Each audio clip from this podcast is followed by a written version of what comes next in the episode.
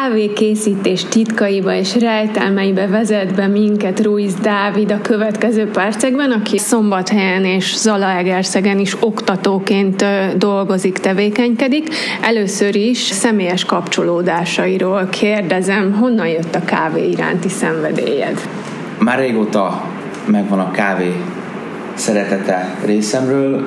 Ugye régóta dolgozom vendéglátásban, és alapvetően a kávé az mindig ott volt ugye karnyújtásnyira így a, a, a hétköznapjaimban. Komolyabban akkor kezdtem el vele foglalkozni, amikor egy szezonális munkát végeztem, és az egyik kollégina nagyon szép mintákat tudott önteni a kávéba. Akkor kezdtem egy, egy kicsit mélyebben, mélyebben belebonyolódni, úgymond, és azóta folyamatos tanulás, tapasztalás, utánajárás. Nagyon szeretem ezt a témakört, a kávé témakört, ugyanis nagyjából hasonló, mint a, mint a bor, a boros témakör is nagy kedvencem.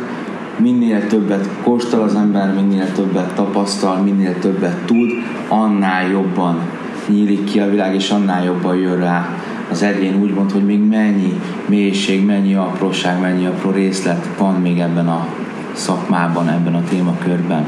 Ezek szerint akkor a kávé mellett a borhoz is van valamilyen kapcsolódásod? Tehát, hogy ott is van valami akár végzettség, vagy csak inkább az érdeklődés?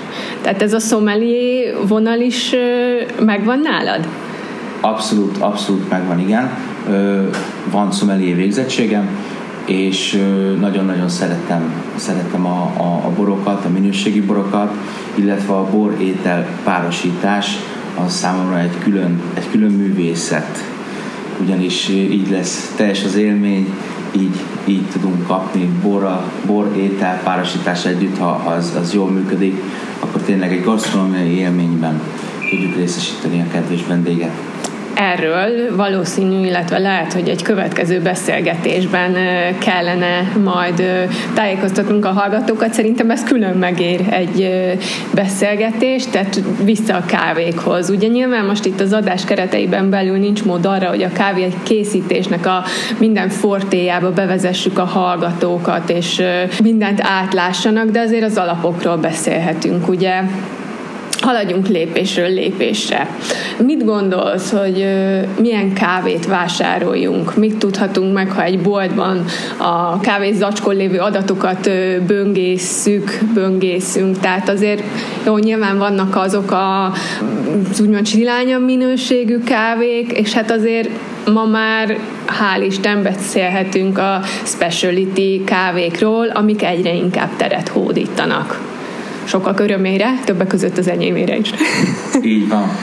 Általánosságban elmondható az, hogy az acskón ugye fel van tüntetve a pörkölési szint, az, hogy milyen színre van, milyen szintre van pörkölve a kávé, ugye ami alapvetően már egy ízbefolyásoló, illetve koffein befolyásoló tényező.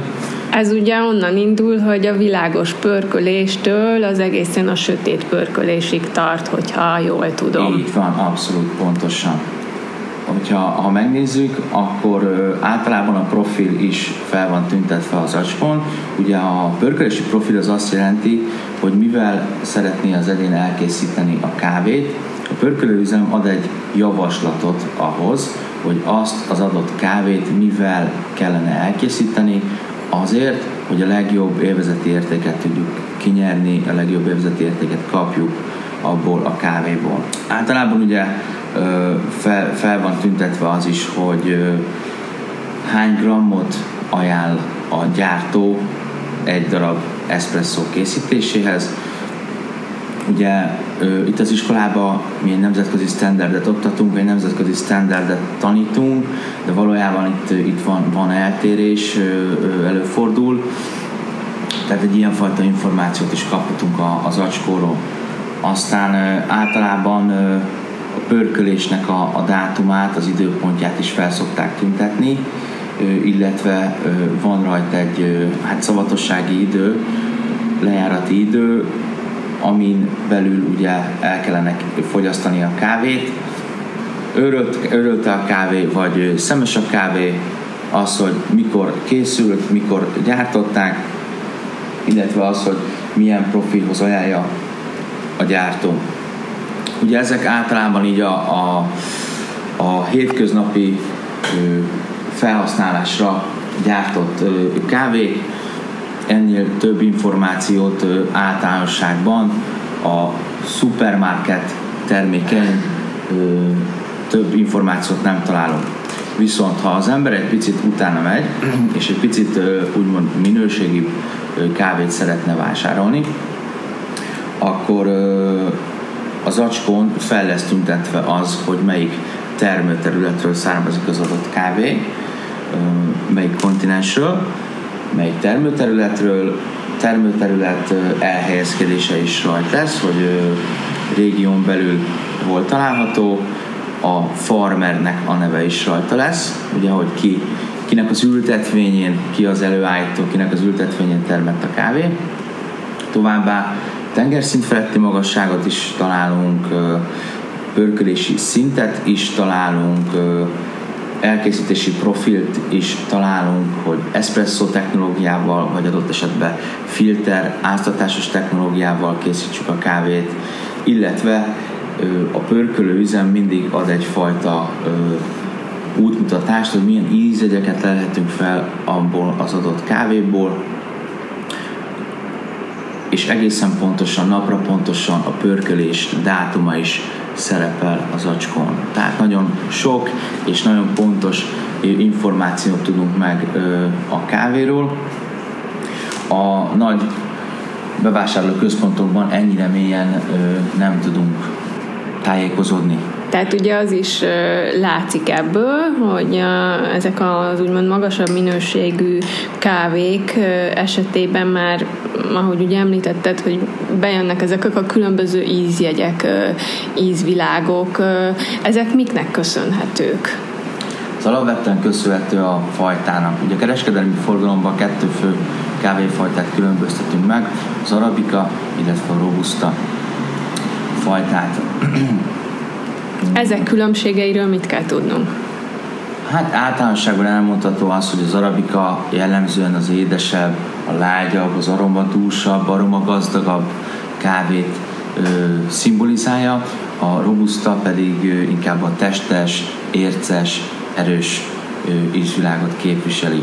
És ugye napjainkban, ha jól tudom, ezeknek a keveréke az, ami leginkább megtalálható a boltok polcain. Így van, általában ugye keverik őket, hogyha minőségi keveréket választunk, ott fel van tüntetve egyébként a százalékos arány, a százalékos keverési arány, 70-30, 80-20-60-40. Elmondható általánosságban az, hogy az arabika a több minden esetben, és a keverék kávékkal egyébként nagyon jól lehet dolgozni, illetve nagyon jó kávékat tudunk belőle készíteni, hiszen a kellemes aromákat, ízeket, illatokat hozza az arabika, a robusta pedig megtámogatja egy pici testtel, illetve koffein tartalommal, tehát így egyszerre tudunk kóstolni egy nagyon kellemes, aromájú, ízgazdag, koffeinben és testben is gazdag eszpresszót.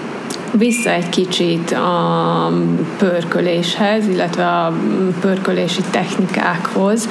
Ugye világos pörköléstől egészen a sötét pörkölésig. Mit tapasztalhatunk itt ezen a palettán, ha végigmegyünk, vagy ha átgondoljuk? Ugye, ha jól tudom, a világosabb pörkölés az ugye, ami erősebbnek minősül, vagy számít érződik. Nagyon jó. Nagyon jó a kérdés. Ugye sokszor megkapom ezt, hogy kérek egy jó erős kávét. Uh-huh. Általában ilyenkor én vissza szoktam kérdezni, hogy rendben, milyen legyen erős? Az íze, vagy a koffein tartalma? Hiszen ugye társadalmunk úgy alakult, hogy régen magyar hagyományokhoz híven a kotyogóst is ugye úgy készítettük, talán ez az első kávé, amivel mindenki találkozik itt testközelből első körbe, otthoni körülmények között. Csapvízzel együtt feltéve a vizet, az zöldleményt a tűzhelyre, ahol sajnos egyébként megég, tehát ez egy helytelen elkészítés, jól megégetett, erős, karcos, feketét kóstolhatunk, vagy hát ezzel találkozunk általában először, és gyakran ez miatt ezt az erős, kesernyés, érces ízt társítjuk koffein tartalomhoz. Sajnos ez egy tévhit, és ugye ilyenkor szoktam feltenni a kérdést, hogy miért legyen erős az íze, vagy a koffein tartalma, hiszen ugye elindulunk egészen a világos pörköléstől, és ugye a színpaletta ugye így hangzik, hogy van egy világos pörkölésünk, van egy közepes, van egy sötét, és van egy teljesen sötét. Pörkölés során azt is érdemes tudni, amit sokan nem, nem tudnak, hogy minél sötétebbre van pörkölve egy kávé, annál kevesebb a koffein tartalma. Tehát ízében fogja hozni azt a klasszikus, úgymond klasszikus fekete kávé ízt, de koffein tartalomban ő nem fog annyit adni a szervezetünknek. A világos pörkölésű kávékat, hogyha megvizsgáljuk, akkor ott, ott adott esetben több a koffein tartalom, és ízében sokkal inkább kijönnek a gyümölcsök, a gyümölcsös savak, ami egy nagyon érdekes, érdekes ízvilágot, izgalmas, új ízvilágot jelenthet. Jellegében inkább teásabb jellegű az itt viszont koffein tartalmába több, mint mondjuk egy jó öreg kutyogós. Folytatásban ugye a következő lépés az őrlés, hogyha kávét szeretnénk főzni. Milyen a jó őrlési technika? Tehát, hogy ugye nem mindegy, hogy hogyan őrjük a kávét, annak is megvan a jelentősége a folyamatban. Abszolút. Nálunk az iskolában a gyakorlati órák ugye az őrléssel kezdődnek, hiszen onnan indul az egész történet. Fontos, hogy tudjunk helyesen szemcseméretet, adagot állítani, illetve a tömörítést is hangoljuk hozzá a folyamathoz, úgyhogy itt a tanfolyamon ezzel kezdünk, viszont otthoni körülmények között azt kell megvizsgálni mindig, hogy mivel fogjuk elkészíteni a kávét. Az örökérvényű szabály, hogy a frissen őrölt kávéból tudjuk a legjobb minőséget előállítani. Ó, és akkor azt tanácsolom, hogyha mondjuk kotyogóssal készítünk kávét otthon, akkor is sokkal jobb minőséget tudunk elérni, hogyha van egy szemes kávénk, egy jó minőségű szemes kávé, és egy kisebb kézi őrlő. Nyilván itt azért el kell dönteni, hogy mennyire, mennyit áldoz rá úgymond az ember összegben, hiszen itt azért egy pár tízezer forintos beruházásról azért beszélünk. De én azt gondolom, hogy, hogy, hogy a frissen örölt kávé a, a legjobb. Kézi örlőnél is tudjuk állítani a szemcseméretet, mérleggel le tudjuk mérni pontosan az adagot. Úgyhogy illetve hogyha bármilyen filter technológiával készítünk, áztatással készítünk otthon, otthon kávét, akkor is ugye ez a kéziörlő nagyon jól tud jönni, hát illetve elengedhetetlen hozzá. Jó, amennyiben ö, gépi kávéval főzzük otthon, a, a, készítjük a kávét, legyen az egy kis automata, vagy bármi, ott ugye ö, kívülről nem nagyon tudunk belenyúlni ugye a mechanikájába, tehát ahogy fölül be van adagolva a szemes kávé, ott ugye be van állítva, hogy hogyan őrüljön. Az is egy jó megoldás egyébként, de én, én híve vagyok annak, hogy, hogy mi készítsük a kávéitalt, ne a gép, úgyhogy én mindig a kéziőrlővel frissen őrlést ajánlom ha már őrlés, illetve szemcseméret, ugye valóban ennek is nem véletlen a technikája, illetve a módja, illetve az állaga. Ugye, hogy minél finomabb, vagy durvább a szemcseméret, ez is jelentősen befolyásolja a kávénak a minőségét, tehát hogy mit és hogy kell állítani, hogy ez megfelelő és jó legyen. Mihez mi passzol. Első körben ugye az espresso géphez való állítást mondanám el. Itt az iskolában ugye azzal kezdjük a gyakorlati órát, hogy be kell állítani helyesen az őrlőt, és fontos, hogy minden egyes kávéhoz hozzá kell állítani az őrlőt. Ugye, mivel a pörkölési szintek változnak, így a kávénak a beltartalma is változik, tehát egy világos pörkölésű kávé teljesen máshogy fog elroppanni az adott beállításon az ördőtárcsák között, mint egy sötét pörkölésű kávé. Ugye egy tanórán a kávénak a lefolyását vizsgáljuk, illetve másodperceket, illetve grammokat mérünk, hogy egészen pontos legyen a beállítás. Ugye kettő ö, variáció van, amikor túl finom az örlemény, illetve amikor túl durva. Amennyiben túl finom az örlemény, nagyon össze fog tömörödni a kávépogácsánk, és nem tud rajta átjönni a víz, illetve át tud jönni rajta, de sokkal több időbe telik az, hogy elérjünk az adott mennyiségi, úgyhogy itt túl extratálásról beszélünk, ugye mivel sok időt tölt el az örlemény a felső szűrőben, csaptelepben, ott el fog égni. Tehát nem lesz, nem lesz túl finom a kávéital. Jó, hogy túl durva a szemcseméret, akkor nem lesz ellenállása a fentre jövő víznek, ahogyan feltesszük a gépbe, ezáltal csak át fog szaladni rajta víz, nem lesz ideje kioldani az értékes anyagokat az örleményekből. Ezt szakmailag úgy hívjuk, hogy alul extratált a kávéital.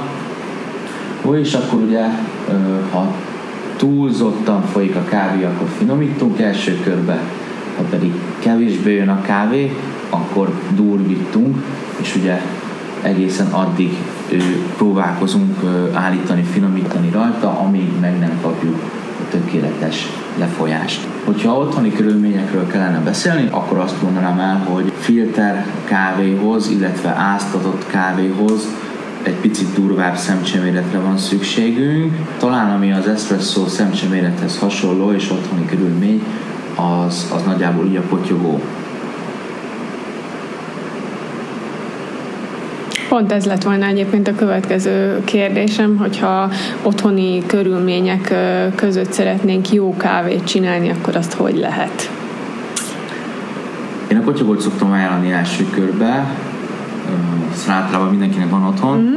Textúrájában talán ez áll a legközelebb az espresszóhoz, jó, amit otthoni körülmények között meg tudunk valósítani. Fontos a víz, az, hogy milyen vízzel készítjük. Itt tanácsolnám azt, ugye nagyon sokszor látom azt, hogy csapvíz úgy, ahogy van, be van engedve, és azzal készíti. Ezt nem tanácsolom jó, általában ugye kávégépeknél, kávékészítésnél tisztított, szűrt vizet kellene használnunk.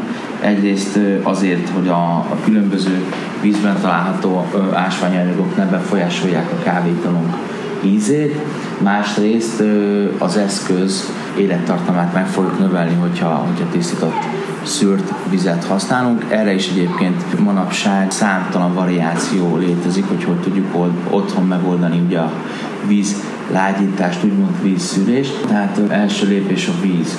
És akkor, hogyha a kotyogóról beszélünk, akkor a, a helyes elkészítés az nagyjából úgy néz neki, hogy első körben a vizet ezt fel kellene melegíteni olyan 90-95 fok környékére. Ha ez megvan, akkor a közel forrásponton lévő vizet kellene beönteni a kotyogónak az aljába, ugye a jelölésig, és ezt követően kellene beletennünk a szűrőkosarat, és betöltenünk ugye a kávéörleményt. Itt akkor egy picit visszacsatolok, megint el lehet ugye itt egy kicsit kanyarodni, hogy akkor a előre őrölt kávét teszünk bele, vagy frissen örüljük a kávét. Természetesen én az utóbbira szavaznék, betesszük a kávét. Ami fontos, hogy nem szabad nagyon megtömködni, ami, ami tele nem lesz, eligazgatjuk benne, és így helyezzük fel a tűzhelyre. Hiszen, hogyha így fogjuk csinálni, akkor nem lesz ideje a szűrőkosárban megégnie az zöldleménynek, ha közel forráspontig felmerített vizel töltjük be, és ezt áttesszük föl a tűzhelyre, úgymond, akkor körülbelül fél perc múlva már az első kávécseppek ugye a felső gyűjtődni részben már meg fognak jelenni, és mivel nem tart olyan hosszú ideig a folyamat, nem fog elégni a szűrőkosárban a kávé örlemény. Nagyon jó kávékat lehet készíteni kotyogóval, és itt alapvetően az, az otthoni kávékészítésre, meg alapvetően a kávé fogyasztásra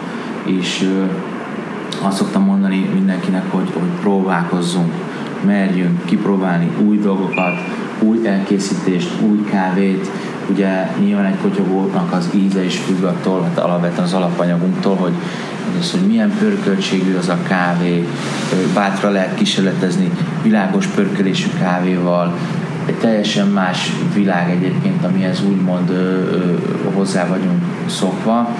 Én azt tapasztalom azért mindig órán azért ugye sokat beszélgetek ugye diákokkal, hogy jellemzően még mindig, mindig az van, hogy ugye az olasz pörkötségi sötét idézőjelben kesernyés ahhoz vagyunk hozzászokva, és amikor ő, ő, itt órán találkozunk, megillatolunk, megkóstolunk egy világos, közepes pörköltségű, megkóstoljuk tejkrémmel, kinyílik a világ, teljesen, teljesen új élmények lesznek, és hát ezt kívánom mindenkinek, hogy, hogy próbáljon, merjen, tapasztaljon, mert tényleg elképesztő, hogy milyen mélységek és, és milyen szépségek rejlenek a kávéban. Beszélgetésünket innen folytatjuk majd Ruiz Dáviddal. Én Markó Petra voltam. Podcastünk a második részében a kávéfajtákat vesztük majd sorra, presszó kávétól egészen a teljes változatokig. Hallgassák meg azt a részt is, és merüljünk el együtt a kávékultúra világában.